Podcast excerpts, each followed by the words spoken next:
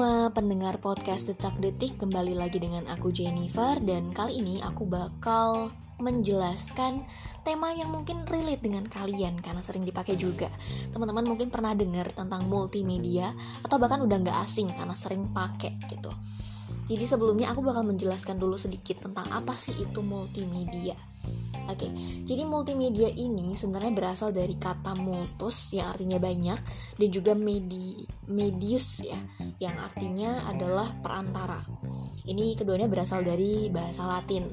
Jadi kalau diartikan sebenarnya adalah perantara yang banyak gitu ya kalau secara harfiah kita artikan satu persatu gitu. Tapi intinya ini adalah um, kom sebuah kombinasi yang terdiri dari beberapa elemen yang disatukan untuk menyampaikan suatu pesan ataupun konten tertentu kepada kita sebagai pengguna multimedia gitu ya.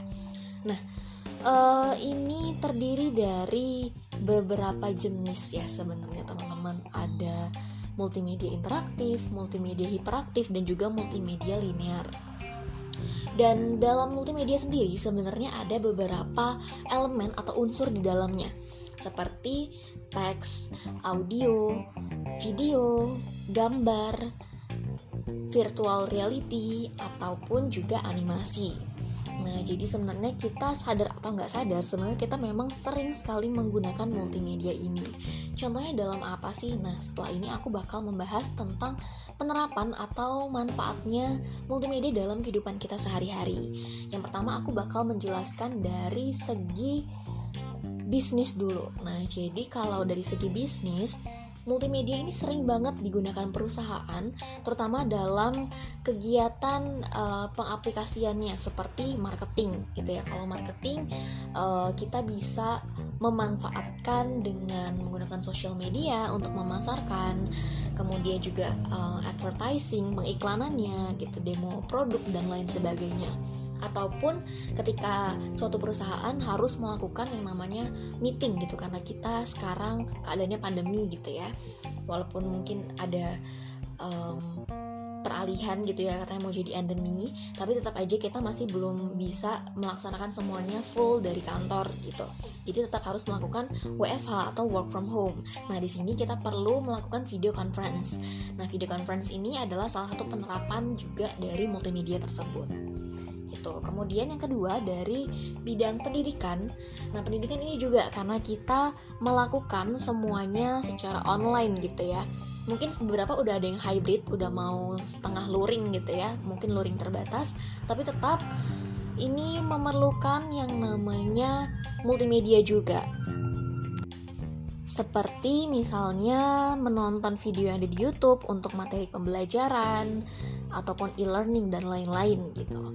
Kemudian juga untuk bidang yang ketiga yaitu dari segi kehidupan sehari-hari di rumah gitu ya. Kita pasti siapa sih yang nggak pernah menonton televisi gitu ya atau juga uh, menonton DVD, CD menggunakan DVD player dan lain sebagainya.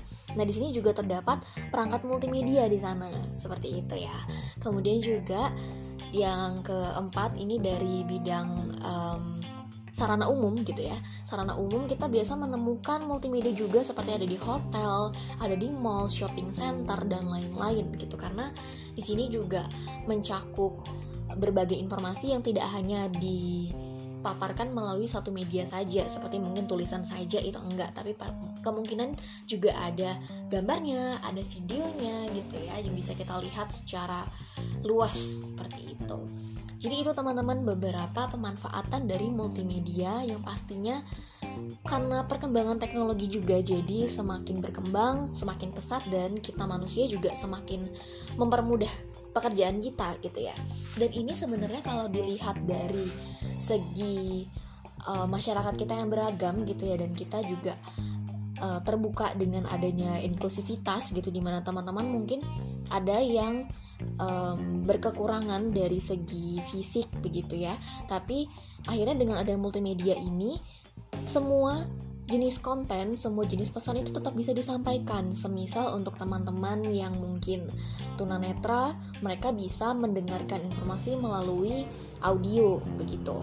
Jadi bisa mendengarkan podcast, terutama podcast detik kita ini juga ya gitu. Jadi banyak sekali hal yang bisa kita uh, lihat dan kita uh, menilai dari segi positifnya gitu ya teman-teman karena bukan hanya kita aja tapi banyak sekali orang-orang di luar sana yang tentu membutuhkan dan semakin semakin merasakan kemudahan dengan adanya multimedia ini. Itu ya teman-teman. Sekian dari aku. Terima kasih sudah mendengarkan podcast Detak Detik dari awal sampai akhir dan sampai jumpa di episode berikutnya. thank you